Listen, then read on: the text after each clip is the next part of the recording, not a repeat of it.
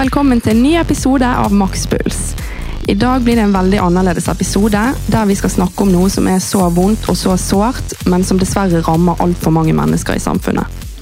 For det har seg nemlig sånn at av Norges befolkning i dag så lever over 300 000 mennesker med kreft i sin sykdomshistorikk, ifølge kreftregisteret.no.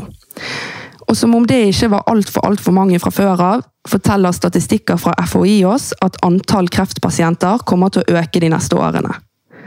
Allikevel så er det noe med oss mennesker som gjør at vi alltid tenker at sånne ting ikke rammer oss. Akkurat som at vi blir helt rystet hvis noen blir drept i nærområdet vårt. Vi tenkte aldri at noe sånt kunne skje her, hører man ofte. Og det samme gjelder kreft. Det er for vondt og for brutalt til at vi klarer å tenke at det kan ramme oss sjøl eller de rundt oss. Men det gjør det.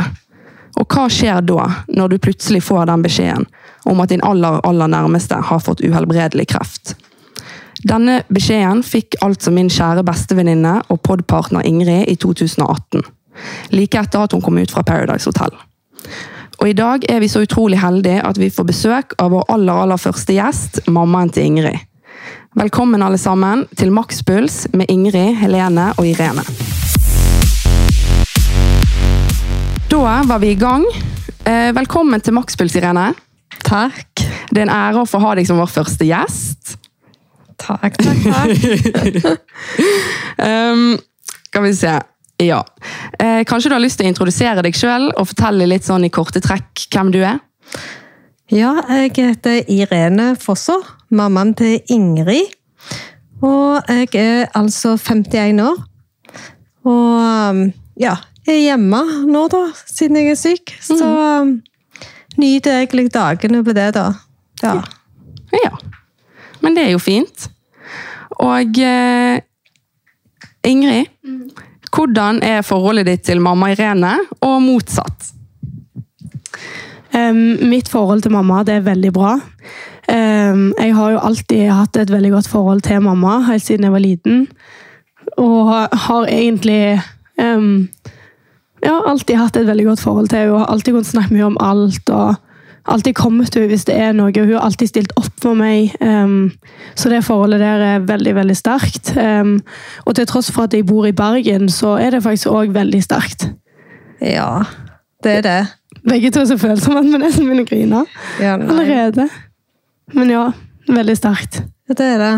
Ja. Ingrid, du var jo den første jenta, så det var litt spesielt å få ei jente i huset. ikke sant? Hjemme hos mormor og morfar og alle. ja, det var jo favoritten. Ja, Ingrid har alltid vært veldig elska i vår familie. Og, og ja, det er spesielt å få ei jente. Det er det. Så Gullungen. gullungen, Lilla Snupsi. Hæ? Favorittungen.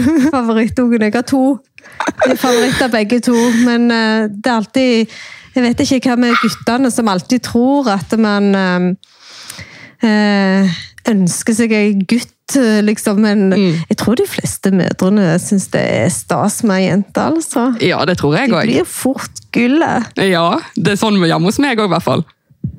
Ja, jeg er favoritten. Ja, Men vi har et veldig godt forhold, da. Det har vi. Ja, Veldig sterkt. Sterkt og godt. Ja. Ja, og I 2018 så var jo du, som mange vet, i Mexico på Paradise Hotel. Og så kom du hjem. Levde litt i den Paradise-boblen, men så tok livet brått en helt annen vending. Eh, kanskje du tar oss litt tilbake til den gang og forteller litt om hva som skjedde når du kom hjem fra Paradise? Det som skjedde når jeg kom hjem fra Paradise Hotel, det var jo at eh, livet mitt var, en, det var på en veldig bra plass. Jeg hadde det, vel, jeg hadde det veldig kjekt. Um, og jeg var liksom, hadde nettopp vært to måneder isolert i Mexico og liksom ble kjent med masse nye folk.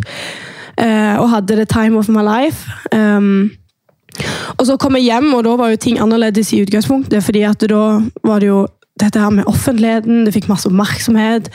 Det var masse event vi ble invitert på, og det var veldig veldig kjekt. Så det var jo en stor forandring i seg sjøl, bare det. Så livet mitt var liksom på en, en veldig sånn toppunkt, og så plutselig så fikk vi da denne beskjeden om at mamma eh, fikk kreft. Eh, eller hadde sånn kreft, da. Og det var jo så klart veldig, veldig, veldig tungt. Jeg vet ikke Husker du, mamma, når du fikk beskjeden og sånn?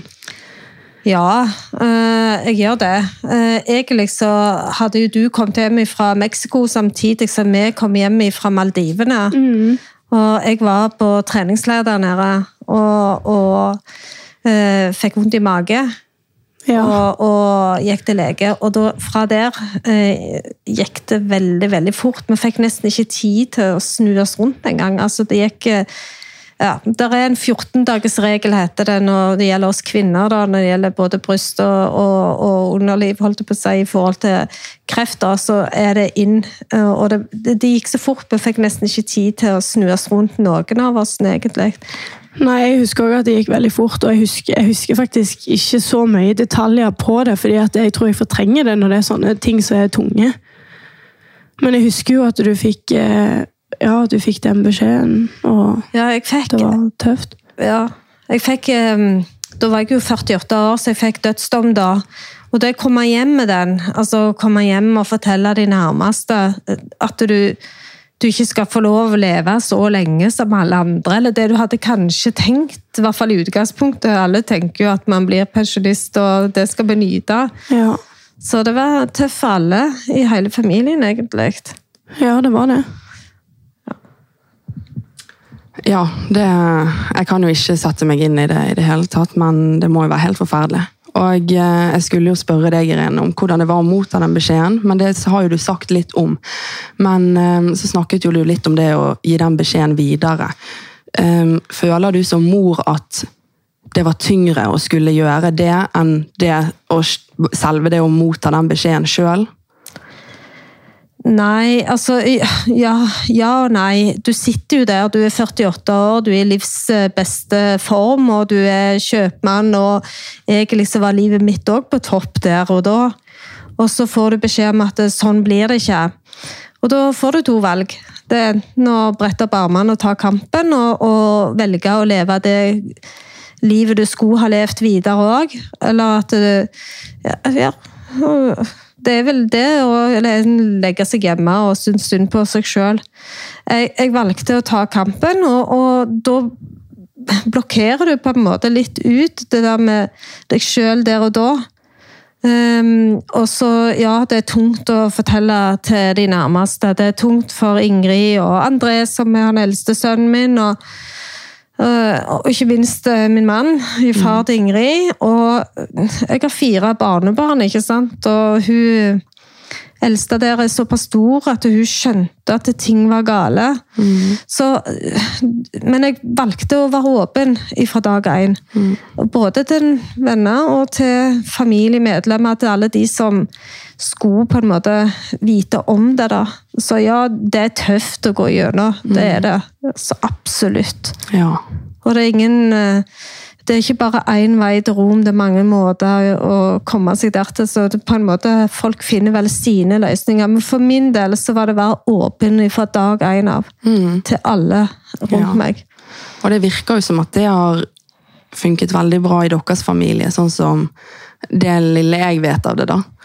At uh, det med åpenhet har vært viktig, og Ja, eh, det, det er Jeg sjøl mener at det er viktig å være åpen om, om eh, så alvorlig som det er, ikke sant? Fordi at ingen ønsker å miste noen ja, Jeg sier ofte til mine at eh, alle, alle vil til himmelen, men ingen vil dø.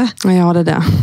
Sant? Så det er det der at eh, åpenhet skaper mer trygghet rundt ting. Ja. ja, den skjønner jeg. Og Ingrid, ehm, kan du si litt mer om hvordan det har vært for deg disse årene etter 2018? Og om du på noen måte har endret væremåte, syn på livet, eller hvordan du lever livet? De siste, eh, 20, nei, de siste 21 år, ja. De siste årene har eh, vært veldig tunge. Um, for det å på en måte skulle leve med denne usikkerheten når det kommer til kreften, for det er jo en usikker sykdom, man vet liksom aldri hva den bringer. Det er veldig, veldig vanskelig. Um, og ja, jeg syns det har vært veldig tøft, men jeg har også holdt veldig, veldig mye inne for meg sjøl. Så ja, veldig vanskelig er det faktisk. Og jeg vet, jeg vet ikke hva jeg skal si, nesten. Jeg syns det er skikkelig tøft.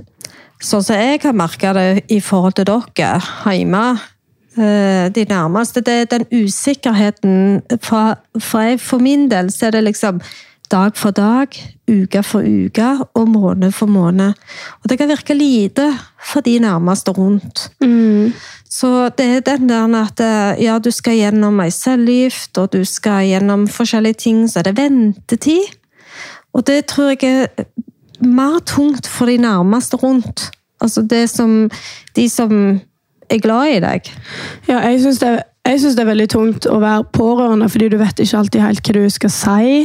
Du vet ikke helt hvordan du kan være der for personen, fordi det er vanskelig å sette seg inn i den personen som faktisk er syk.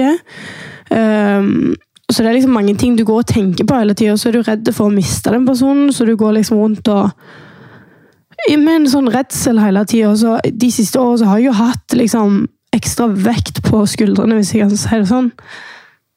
Ja. Men, men det er viktig òg å, Det var jo mange som sa til deg, Ingrid, på bloggen din at hvordan kan du reise ifra mor di Ja. nå når mor di er så syk? Hvordan kan du ha det lange håret ditt når mor di går skalla? ja, det husker jeg. Helt grusomme kommentarer som kom inn. Det er helt sjukt. Ja. eh, fordi at det, Jeg fikk jo dårlig samvittighet fordi at jeg hadde langt hår, liksom. Ja, men det var viktig for meg i den perioden at Ingrid som ung jente skal leve sitt liv òg. Jeg vil se henne vokse. Jeg vil se henne styrke seg. sant? Jeg hadde jo ikke lyst til at hun skulle sitte hjemme med meg 24 timer i døgnet. Eller, Og det var jo sånn det ble, for det, når jeg kom hjem fra Mexico, så jobbet jo jeg med sosiale medier. Um, og jeg bodde hjemme da, fortsatt på Klepp med mamma og pappa. Så jeg eh, var jo oppe i mamma hele tida, og det var veldig fint òg på mange måter. For jeg var jo med inn på sykehuset mye, og jeg fikk liksom på en måte vært nært henne. Men jeg tror òg at det var viktig for meg og for mamma så hun sier, å se meg gjøre mine ting. Kanskje avstanden fra Bergen kunne gjerne vært litt mindre. da. Trenger liksom ikke være fire til fem timer kjøretid liksom, og to ferger. Men eh, det var sånn det ble, da, og det følte jeg hjalp i hvert fall litt. Og nå når du har hatt du har, Vi har jo levd med dette en stund nå, så da er det mye lettere å um, det, du, går, du blir litt mer vant med det, hvis jeg kan si det sånn. Det høres sikkert forferdelig ut, men du blir mer vant med omgivelsene. Kan jeg si en ting der? Vet du hva, Vi heiste nesten flagget. Det er nesten stygt å si det, men når ingen flytta, det var deilig. Altså, Jeg som kjøpmann i Rema 1000 i mange år jobbet 12-13 timer per dag og skulle plutselig gå hjemme med Ingrid hengende på slep der som spurte Går det bra, mamma? Går det bra nå?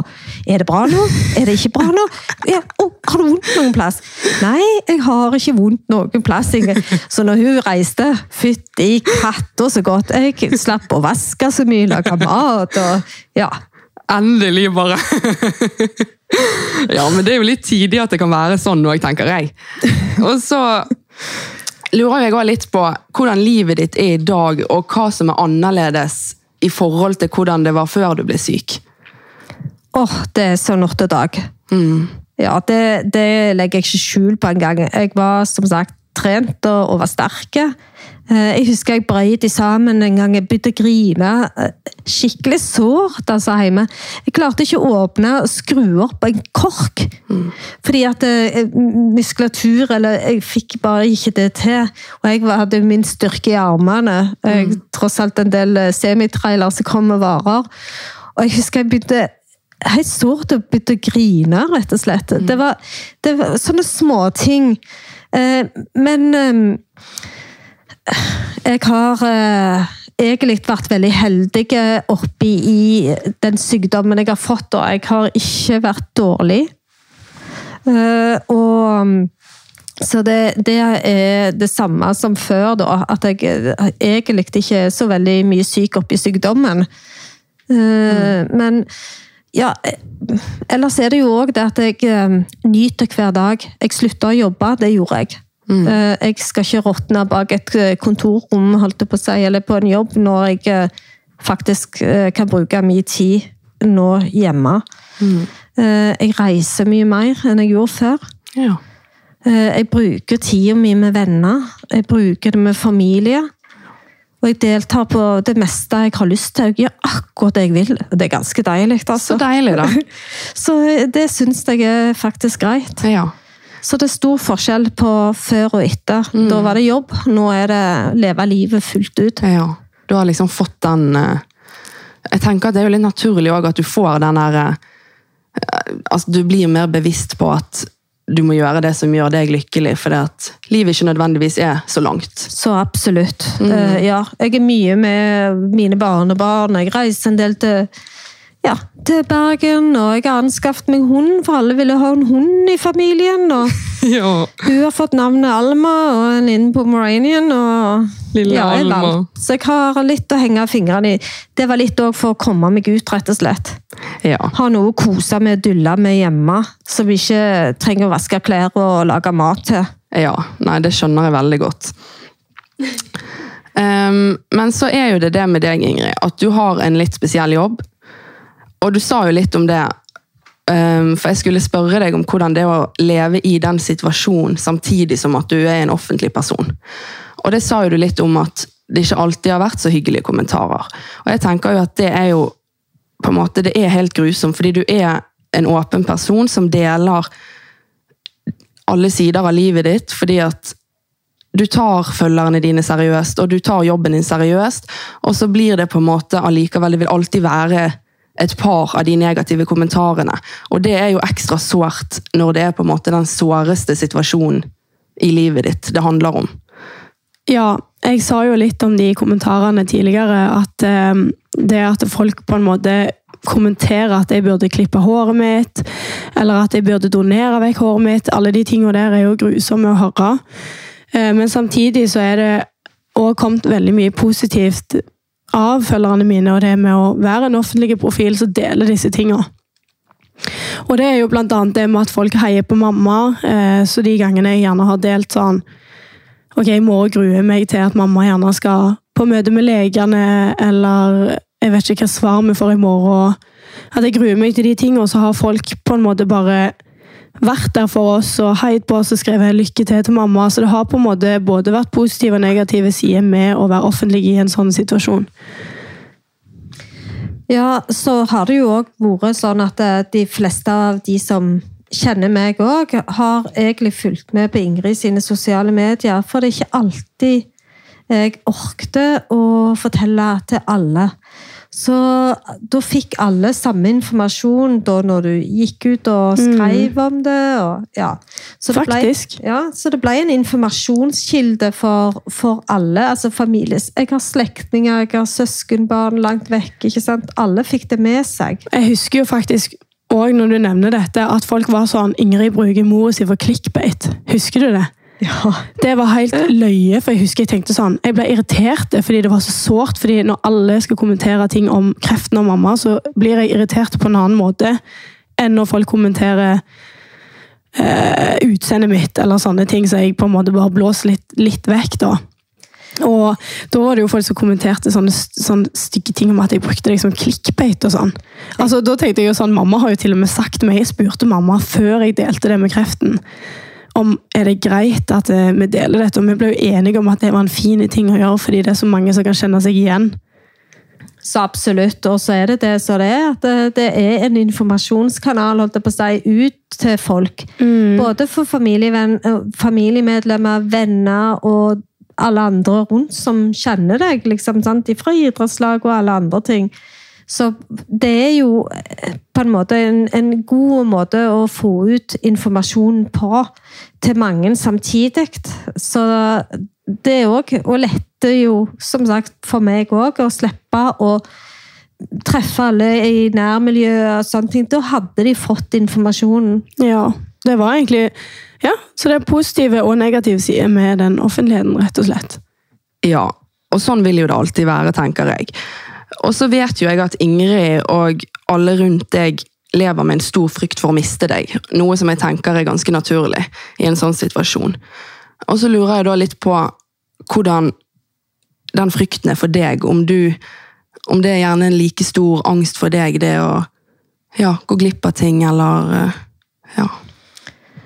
Ja Ja, det, det er litt vanskelig å svare på, egentlig. Fordi at det, Um, noen dager så går det veldig greit, ikke sant? at man ikke tenker så mye på det, men så hender det når det kommer noen sånn drypp innimellom at det, shit heller, jeg får kanskje ikke oppleve konfirmasjonen til barnebarn. ikke sant? Jeg får ikke se kanskje bryllupet til Ingrid. ikke sant? Altså, du, du, du, har jo gjerne lyst til å ha med deg de store begivenhetene i familielivet. ikke sant? Altså De nærmeste dine og sånne ting. Jeg er ikke redd for å dø. Det er jeg ikke. Men uh, det er dritt allikevel. Ikke sant? Fordi at du, du, vil ikke slippe på det som er av dine nærmeste. ikke sant? Altså, men jeg har egentlig forsont med det at for hver dag og for hvert år jeg har fått lov å leve Jeg går jo inn i det så uh, De 30 da, som har fått vært heldige å leve i fire år med den type kreft jeg har. Så det er klart at um, for hvert år og for hvert, hver dag, egentlig, det er jo en gave i seg sjøl, så du må tenke, du må snu tankene. Uh, ingenting ingen, Eller ingen vet egentlig hva morgendagen bringer. Men det er klart, når du har fått en dødsdom, så er det jo samme som sitter på, på ei dødscelle, bare at du har friheten. Så ja, det, det, det, I perioder tenker du mer på det enn andre ganger. Uh, og så er det sånn at hverdagen går i ett, liksom, og vi glemmer litt innimellom. og sånn, så, Men ja, jeg tenker innimellom på det, og da, da det, kommer det både snott og tårer, for å si det mm. sånn. Altså, sånn jeg er ikke bitter, men, eh, men jeg, det er sårt, ja. Det er så absolutt det er vondt og sårt. Eh, den, en, eh, den, eneste gangen jeg virkelig følte jeg var kreftsyk, det var når jeg gikk på den aller første cellegifta mi etter operasjonen. For jeg starta jo med en bukoperasjon der de fjerna veldig mye av mine organer. Hadde de vært på utsida av kroppen, så hadde vi jo sett hvor mye jeg fjerna. Mm. Uh, det var en uh, heavy operasjon. Og seks uker etterpå så starta jeg på cellegift. Og da forandra jeg meg mye. Jeg ble skalla. Jeg mista alt hår på kroppen, inkludert holdt på å si, alt, alt, hår. Hvis det er noen som lurer på det, så mister du alt håret på kroppen som du har. Øy, ja, men Det er sikkert øy, mange som lurer på det. Det tror jeg, men du gjør det. Du ja. er flintskalla, og mm. du mister hår på armer, og i skritt og på føttene, holdt på å si, overalt. Der mm. du måtte ha hår, det forsvinner. Ja. Eh, og med mye kortison så la jeg på meg 25 kilo, og det syntes jeg var drit. Ja. Eh, jeg gikk fra ekstra small opp til medium large, og det var vanskelig å se at jeg meg sjøl i speilen. Det syntes jeg var drittøft. Mm. Eh, og jeg kjente meg ikke sjøl igjen. Eh, og da hadde jeg òg det i blikket når, når, jeg var ute og handla fordi at jeg var skalla. Og da forbinder det de fleste det med kreft. Ja. Og Du får sånne triste blikk, og så må du forklare det til alle du ikke trenger å forklare det til. Mm. Så da, da, får du Ja, du forandrer utseendet, ikke sant? Du får litt måneansiktet og sånn. Um, selv om jeg tatoverte øyenbryn da, for å ikke få det der ja, Og jeg kledde meg med sterke farger. Mm. Eh, men det er klart, du får en del blikk, det gjør du. Og det er ikke fordi at folk eh, vil være stygge. Eh, det er bare naturlig for oss mennesker å tenke synd på det mennesket. Mm. Og hvis du skal synes synd på noen, så er det i hvert fall ikke meg, egentlig, for det er andre som har det sykt mye verre.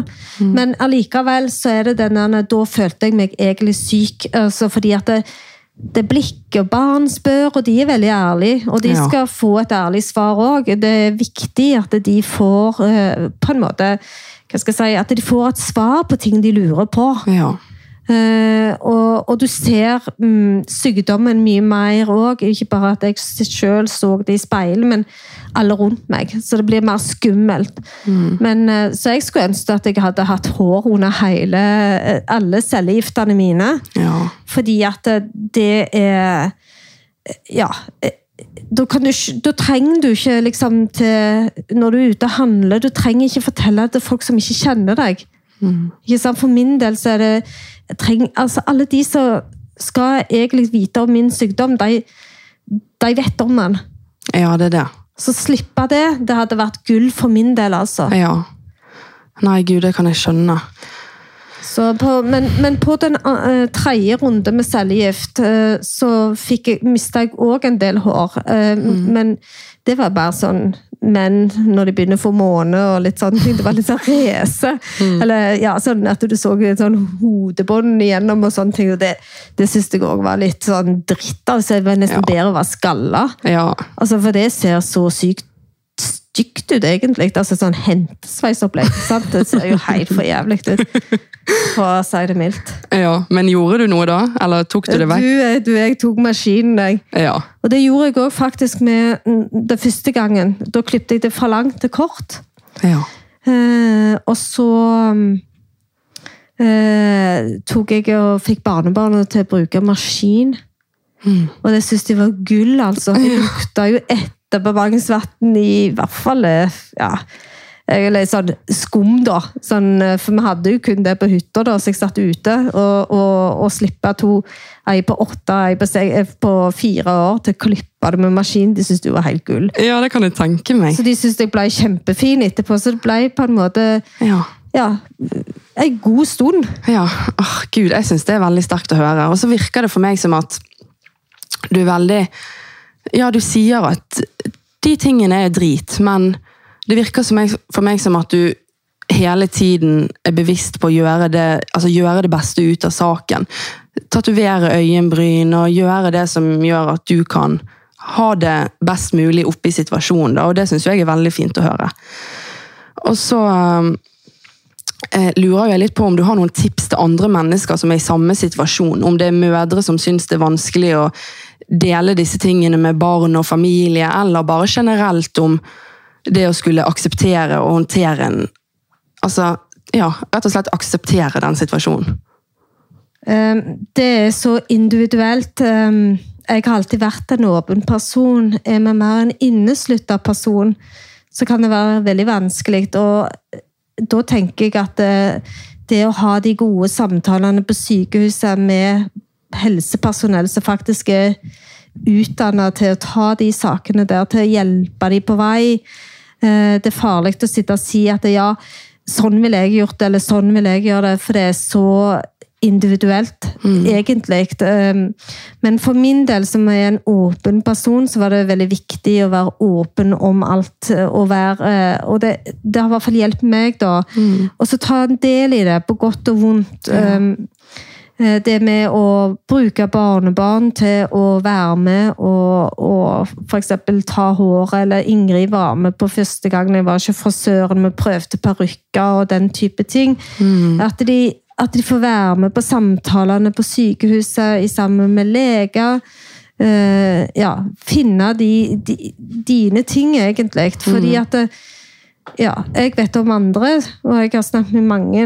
ehm, både på ja, sånn som på rehab, eksempel. Det er jo en del um, rehaber som er, kjempegreie å gå på. Det anbefaler jeg egentlig alle. Eh, fordi at der får du profesjonell hjelp, lett trening, folk i samme situasjoner som deg sjøl. Og det er egentlig gjennom fastlegen, og så søkes det på rehaber rundt i landet.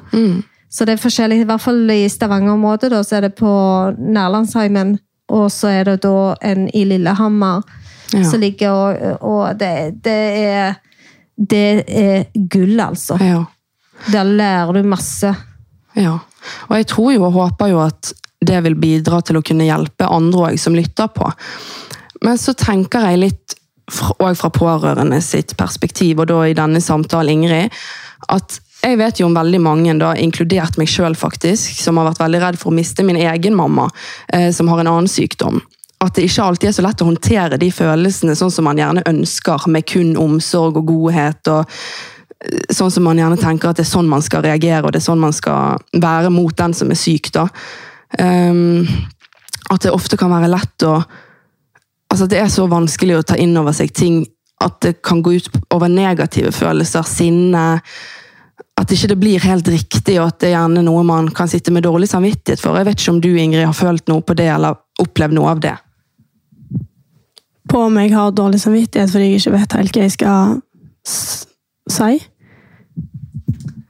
Ja, jeg tenker mer sånn ja, Det var kanskje litt dårlig forklart spørsmålet. Men jeg tenker på um, for eksempel når du bodde hjemme med, fortsatt med foreldrene dine, når dere fikk vite om denne sykdommen, om du har opplevd at du ikke klarer alltid å bare være god og snill og omsorgsfull, og at det bare er på en måte det positive, skjønner du?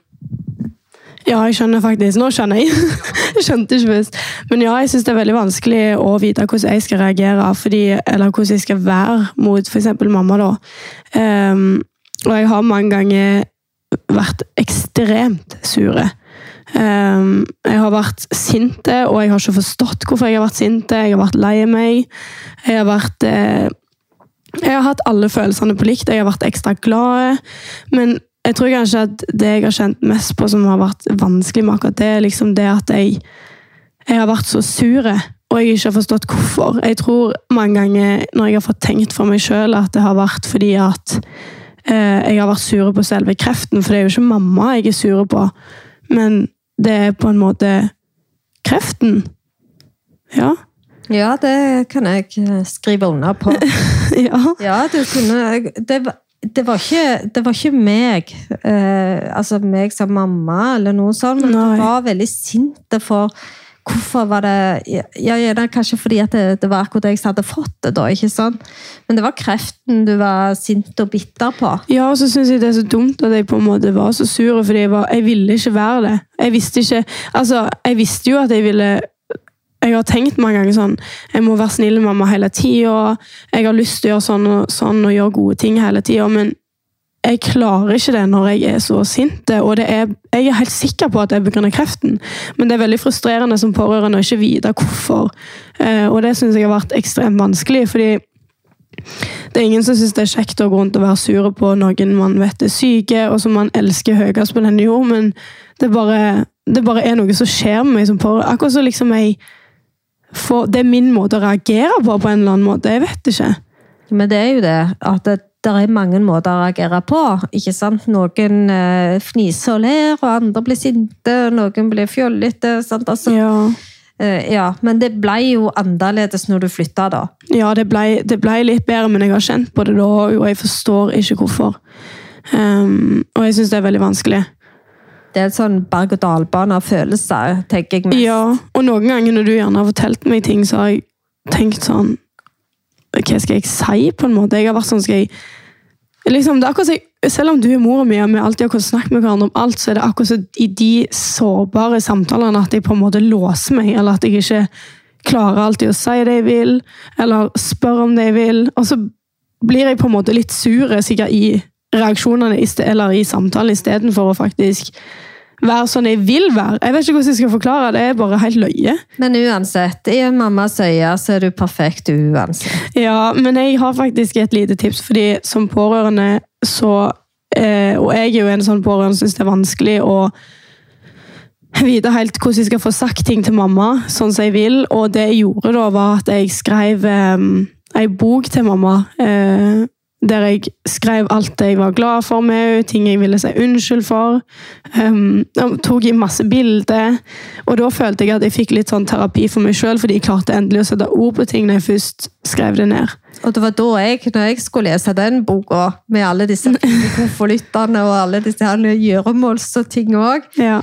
Så ble det sånn eh, Jeg klarte jo ikke å lese gjennom den skikkelig den gangen før det gikk lang tid. Jeg måtte lese den stykkevis. Jeg satt og burgrein og tenkte Ja. herregud, jeg har den flotteste datter i hele Jeg husker du grein når du åpna boka og bladde ett et, et sånn side, liksom. Du hylgrein. For I den boka så kunne du skrive litt sånn dype konvolutter med ting du liksom Det sto sånn 'Åpne denne luken hvis du er lei deg', eller 'Åpne denne luken hvis du trenger en motivasjon', eller Ja. Ja, det er helt, eh, den er helt gull. ja. Åh, det er veldig fint å høre. Veldig. Og så har jeg òg litt lyst til å spørre om det som man kanskje syns er litt tabubelagt å spørre om. Og det er jo dette her med døden. Og jeg tenker litt på om det er noe du har lyst til å si noe om, om det er noe du har tenkt på med forberedelser, eller om Ja, rett og slett snakke litt rundt det. Det er mye å forberede når man på en måte er så jeg si, vet ikke om du kan si privilegerte heller, men det er noen fordeler i forhold til når, når man vet man skal dø. Um, uh, ja, jeg har forberedt eh, begravelsen min. Uh, det jeg har vært litt usikker på i det siste, det er kremering, eller om jeg skal i kista. Altså nede i jorda. Og så er det det der å ligge der og råtne. Jeg vet ikke. Jeg har lyst til å, å, kremeres. Det det jeg ender på nå. Um, men uh, Og jeg ønsker farger. Farger på um, blomster. Kun på Får ikke du begynne å grine, Ingrid, for da kjenner jeg at jeg begynner men, men, uh, jeg ønsker farger på, på, på, blomstene. Og ingen skal få lov å gå i svarte klær. Og så skal det være gravøl og fest og dans etterpå. Og det er litt viktig for min del, fordi at jeg alltid vært glad i å danse. Jeg er glad i en god fest. Og, og, jeg tenker det at når man føder et barn, ikke sant, så er det med glede. Og man går med glede. Altså, I mange tradisjoner rundt, eller i andre kulturer så er det jo feiring ikke sant, når man forlater livet. Eh, vi er her for til ti alle. Og det er på mange måter, for min del, hvert fall viktig å snakke om det. og fortelle i hvert fall den jeg deler livet med, sånn, og bor i sammen ikke sant? så de vet hva, hva skjer den dagen det skjer. Eh, hva var mitt ønske oppi det? ikke sant? Så jeg ønsker jo full salsamusikk og full fest etterpå. Det gjør jeg. Eh, og for å Jeg syns det er så dystert og trist mange ganger. Jeg gjør det. Og, um, og så, ja, så det er litt forberedelser, ikke bare på døden, men det er liksom alt det andre rundt det. Det med forsikringer, hus, hjem sant? Um, det er mange ting som faktisk må ordnes på forhånd. Og ja, så får jeg sette meg ned når det nærmer seg enda mer, for å si det sånn, når det gjelder musikk. Men, um, men det er i hvert fall det som vi ønsker mitt, da. Og jeg vet det er tabubelagt, og jeg vet at mange ikke tør å fortelle. Det er de som må skrive det ned, ikke sant. Altså, og det tror jeg òg er lurt. Skrive ned alle tingene man ønsker i forhold til det med døden eller begravelse. Ja, rundt der. Og alle andre ting òg, tenker jeg. Jeg syns det er veldig fint at du er så åpen om akkurat det. For, for meg så er det jo helt jævlig å høre på, fordi det er liksom det siste jeg vil, vil, skal skje. Men igjen så er det godt å høre at du kan være åpen om noe som sikkert er veldig vanskelig for mange å snakke om, og det er jo nettopp sikkert de tingene. sant? Og så syns jeg òg det er veldig, veldig, veldig interessant når du sier at du vil at folk skal ha en fest og gå i fargerike klær, fordi at det er noe jeg syns er spesielt med deg, for det vet jeg at du har sagt til meg før, og det er noe jeg liker på en måte å høre fra deg.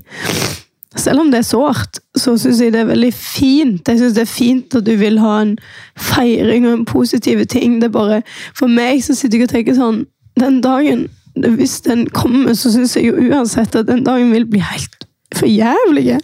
Ja, Så hvordan skal jeg klare å liksom feire det? sant? Det er det jeg tenker på, men igjen så er det sånn Det er dine ønsker, og jeg vil, jeg vil heller det enn at det skal bli mer dystert, og alle skal gå i svarte klær og sånne ting, for det Ja. Ja, men eh, altså det er det jeg har, da. ikke sant? At jeg kan ja. få lov å bestemme akkurat det. ikke sant? Det er, ja. jo, det, er jo det jeg snakket om i stad òg, at det, eh, du får sånn litt galgenhumor og litt sånne ting for at du faktisk skal ja, kunne gjøre de tingene du ønsker, ikke sant? Og det blir det siste ønsket, ikke sant? Ja. Og, og ja. Det var veldig tøft. Det er mange sånne tabubelagte eh, spørsmål, egentlig, ikke sant? Altså, ja. Jeg kan jo fortelle om en annen ting òg, får jeg lov til det? Ja.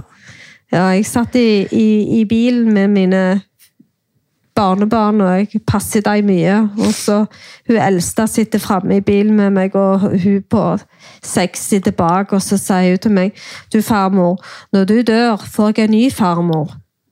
Uff. Ja, ja, ja, hun er fin. Hun, Ja. hun Thea som eh, De spør rett ut, iallfall. Hun spurte rett ut, og jeg så hun som satt framme på ti år. Hun kikket med store øyne på meg også, liksom, og prøvde å kikke litt bak på søstera, og jeg at det spør man ikke om. Jeg sa farfar er ikke mer enn 51 år, og hvis det, det skjer noe med farmor, så kan det jo hende at du er heldig og du får en ny farmor. Uff. Ja, men jeg har ikke tenkt å ha henne ennå.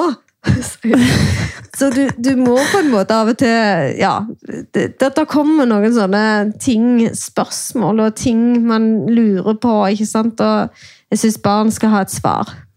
Enig. Ja, jeg syns jo det ble veldig sterkt å høre på, men jeg syns det er veldig Veldig fint, det du sier. Og eh, jeg forstår deg òg, Ingrid, veldig godt. At selvfølgelig syns du det er for jævlig å eh, tenke der.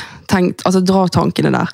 Men det er jo den åpenheten dere imellom òg som jeg syns er veldig fin. Um, og det virker jo for meg som dere har et veldig godt forhold. Og jeg lurer litt på òg um, Nå er jeg snart ferdig med spørsmålene mine, men jeg lurer litt på om um, det forholdet dere imellom er blitt sterkere etter du er blitt syk, eller om det på en måte har vært ja, jevnt sterkt hele veien. på en måte. Skal jeg ta det Ja, du kan min det. mening først? Ja. Nei, det har alltid vært sterkt. Ja. Eh, Fra Ingrid ble født til fram til den dag i dag. Enig. Det syns jeg. Altså Ja.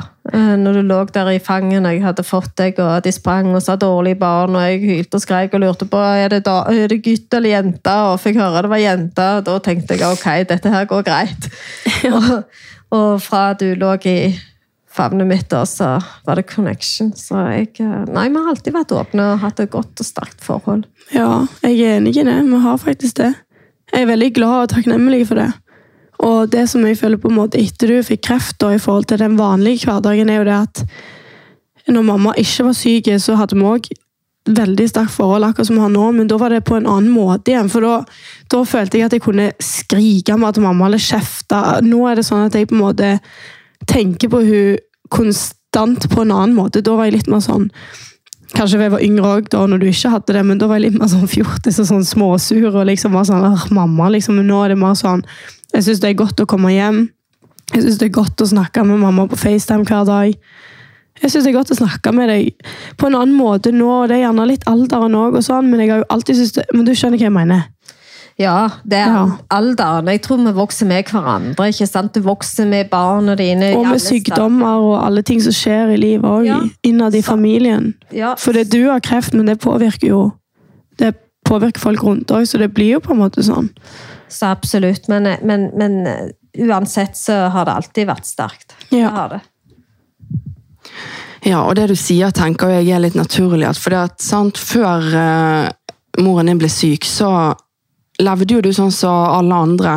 Og det er veldig altså Man er litt sånn Uansett hva man sier, så er det veldig vanlig at man tar em, det man har i livet, litt for gitt. Ja, og, Og jeg, det- husker, jeg husker også at da tenkte jeg, Før så tenkte jeg alltid sånn Nei, det skjer ikke meg. Hvis noen kom og sa til meg sånn For eksempel at Ja, hvis noen kom for og sa til meg sånn at eh, eh, når moren mi har fått kreft, eller noen i familien har blitt kreftsyke, og sånn, så har jeg alltid tenkt ja, det er trist, men det skjer ikke meg.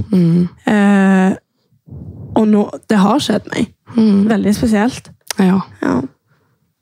Ja, det er det. Og det er jo akkurat det som jeg sa innledningsvis, og det som egentlig er helt naturlig, tenker jeg. Og eh, da er jeg egentlig eh, ganske fornøyd, men eh, til slutt så har jeg lyst til å avslutte dette temaet med noe som kanskje er litt vanskelig å ta på sparken, men jeg vil jo egentlig at du, Ingrid, som datter og pårørende, skal si noe til mammaen din som du vil at hun skal huske. Og så samme andre veien. Oi. Nå begynner jeg bare å tenke på masse sånn Alt jeg vil si. Um, nei, jeg kommer til å begynne å grine. Du kan begynne med å si unnskyld. Ja, Unnskyld for alle de jævlige tingene jeg har sagt og gjort. Å, fy fader. Ja. Hæ? Smelt på dører og Ja, hva? Jeg har mange navn òg. Ja, nei, ikke si noen ting. Og så Ikke dette makspuls. Ja. Nei, men jeg har lyst til å si at ehm, Jeg vet ikke hvor jeg skal begynne engang, men jeg har veldig lyst til å si, iallfall nå, som jeg tenker nå, er at eh, jeg elsker deg veldig høyt. Og jeg er veldig takknemlig som Nei, jeg klarer ikke det! Det vil jeg bare grine. Og at jeg er veldig takknemlig for at jeg har fått deg som mor. Um, alt du har lært meg, alle gangene du stiller opp for meg. Alt det vil jeg bare takke for, for jeg kunne ikke bedt om en bedre mor. Ehm, så det er liksom de tingene der jeg har lyst til å si nå. For det at det Ja. Du betyr alt for meg. Jeg vet ikke hva jeg skal si. Jeg blir målløs i sånne situasjoner fordi at jeg har lyst til å si alt, men eh, Ja. Men det var fine ord, da. ja. Ja, det syns jeg. Ja, jeg må jo bare si det som jeg pleier å si. Min lille snupsi. Ja. Ja, og det er vel gjerne noe som går igjen mellom meg og deg. Det Ja. lille snupsi. ja Men- Kallenavnet mitt. Mm, For jeg var liten. ja. Veldig Og, koselig. Ja. Som mor til Ingrid, så er jo Ingrid det vakreste mennesket som går på to sko, holdt jeg på å si, på denne jord. Eh, ja, jeg eh, tror jeg hadde forsvart deg med nebb og klør på det meste. Jeg er kjempe, kjempe takknemlig for at akkurat du ble min datter. Ja. Og ja, ja. jeg tror ikke jeg kunne fått ei bedre datter enn det. Tusen takk. Så Ja, og så er det, vil jeg bare si til egentlig deg, og kanskje til alle andre der ute òg, at eh, pass på hva dere forteller til hodet deres, for det lytter faktisk til det du sier. Ja. Og du trenger å være sterk, ung, fin jente. ja. Dere er så fine, da. Jeg blir helt sånn, jeg sitter her og ser litt sånn ned i bakken. Jeg blir helt rørt. Nei, men vet du hva? Tusen hjertelig takk til dere begge to som stilte opp her og åpnet dere opp om kreften og eh, alle sidene rundt det, fra hver sitt perspektiv. Fra den syke sitt perspektiv og pårørende sitt perspektiv, og det er jo det er utrolig tøft. Og så vil jeg selvfølgelig si en ekstra tusen takk til deg, Irene, for at du har vært en helt fantastisk første gjest i Makspuls. Takk, takk, takk, og takk for at jeg fikk lov å fortelle litt ifra min side. Ja. Sånn. Da er det over til de faste spaltene våre. Yeah. Da fikk du mikrofonen rett i trynet. Knuse tennene mine. Nå går det rett over på fjas med en gang. Det er så typisk. Men ja, det er jo litt gøy, det òg. Og jeg tenker at det er jo ekstra gøy å få Irene med på spaltene òg. Ja, ja, mamma, ja. Det blir spennende å se hva hun sier. Ja, og så er jo ikke det sånn at meg og hun kjenner hverandre dødsgodt, så ja. det kan være litt sånn gøy å ta det litt på feelingen òg. Ja. Ja, men skal vi begynne med ukens rykte, da? Ja. Og den er dere, Dette har jo jeg stått for denne gangen, så dere vet jo verken ukens rykte eller hvem i rommet. Så det blir ekstra gøy for meg. Det blir det. Ok, Men ukens rykte. Koronavaksinen inneholder en mikrochip. Og den, den, den, den tror jeg på. Det gjør du vel? Det har du ikke arva mor di. Hun bare sånn, ikke si det. Jo, men seriøst, det tror jeg på. Fordi at, jo, fordi at de fikk 5G-nettet samtidig som eh, vaksinene kom ut. Det der er bare Henrik som Hallo i luka, Ingrid.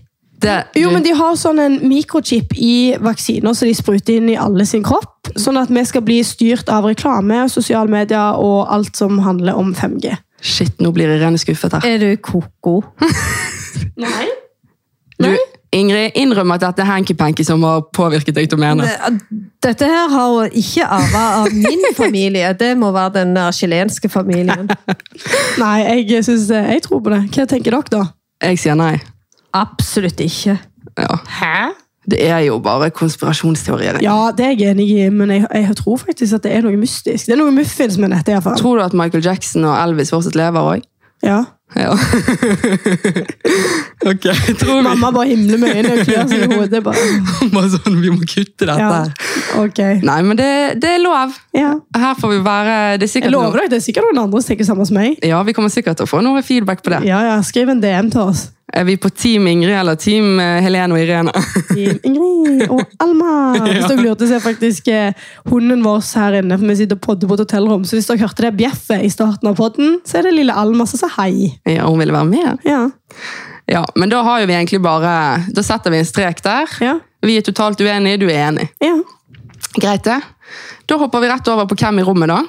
ja. Er dere klar for første? Yes. Denne er litt gøy, da. Hvem i rommet er fysisk sterkest? Teller til tre. Ja. En Er dere klar? Ok. En, to, tre. Helene. Ingrid. Nei! Mener dere det? Hvem sa du? Ingrid? Hæ? Ja, ok, fordi jeg har svaret mitt her. Ja. Fordi at jeg er kanskje litt sterkere enn deg i overkroppen, ja, det er du. 100 Du er ikke litt sterkere. men ikke i bein i det hele tatt. Nei, men altså, Hvis meg og deg skulle slåss, hvem vant?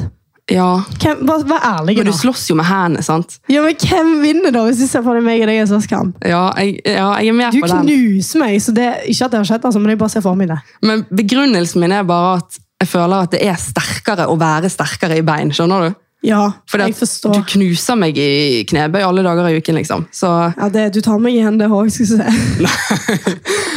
ja, ja. Nei, Helene er sterkest. Og det er det, da, det går på selvtilliten. Ja, ja. Ja, men det er gøy. Ok, neste da. Mm. Hvem i rommet hadde gjort det best på Skal vi danse? Irene.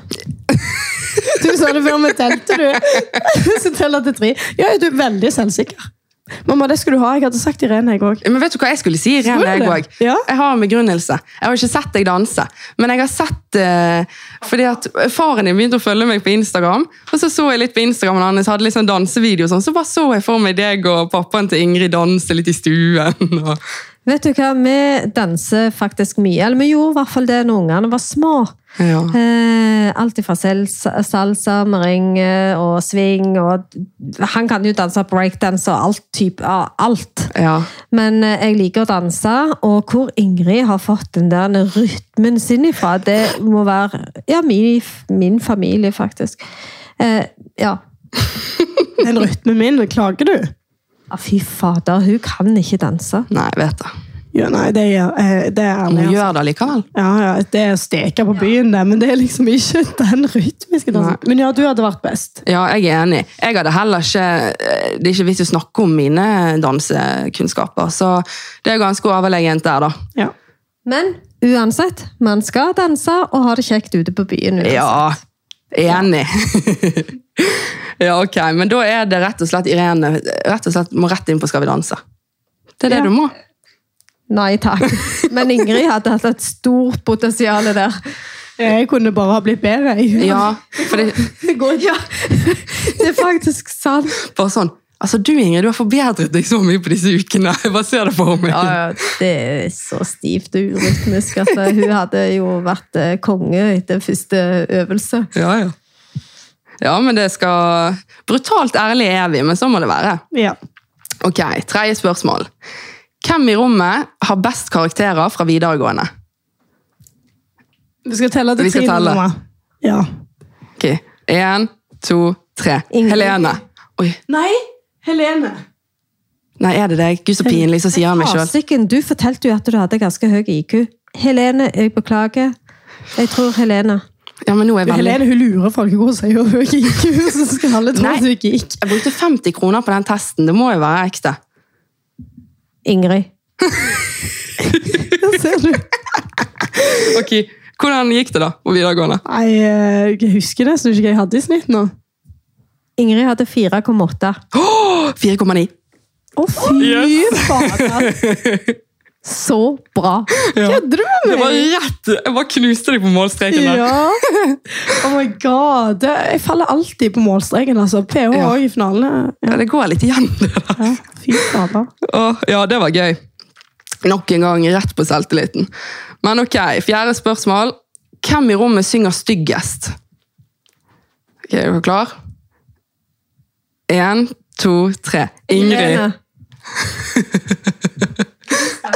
Meg sjøl. Jeg også Ingrid. Jeg tror faktisk du, Ingrid, synger bedre enn meg. Du kødder nå. Nei, skal dere høre? Ja. Ja. Hva sang skal jeg ta? Jeg kan jo ikke sange den engang. Favorittsangen din?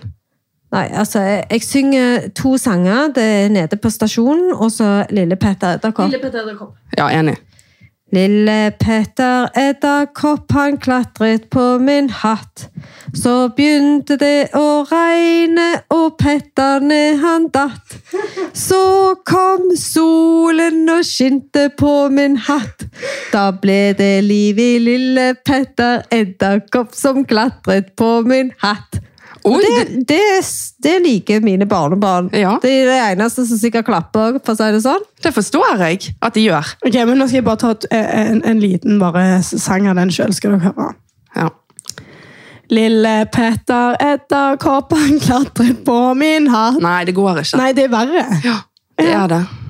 Men jeg kan vise dere Nå skal jeg faktisk ta på Jeg vet ikke om det blir så bra lyd. blir det Men jeg filmet meg sjøl synge i bil i dag. Oi, ja, ja, du ja, det så jeg. Og det er krise. Ja, så jeg vet ikke hvorfor jeg sa ikke meg sjøl, men eh, ok, skal, vi får bare se om det blir bra lyd. Ja.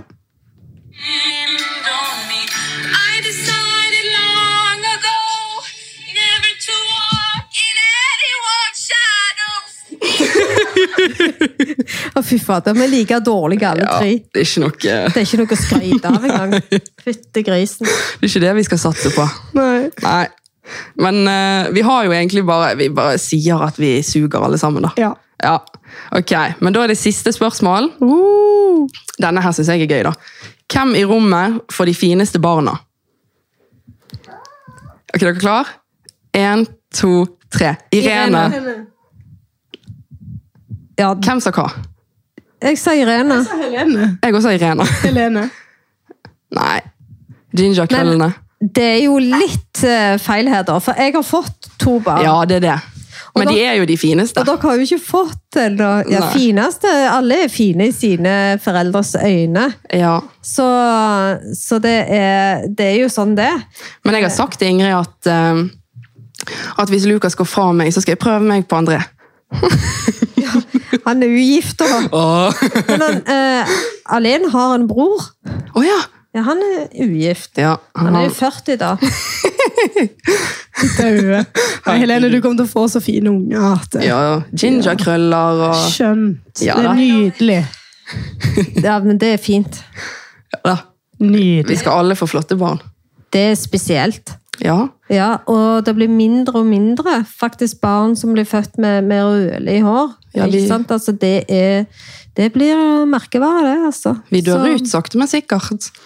Nei, det dør jo ikke ut, er du helt ko-ko, men det er fint. Takk. Du får bare lage en hel haug, du, da. Slipper du å dø ut.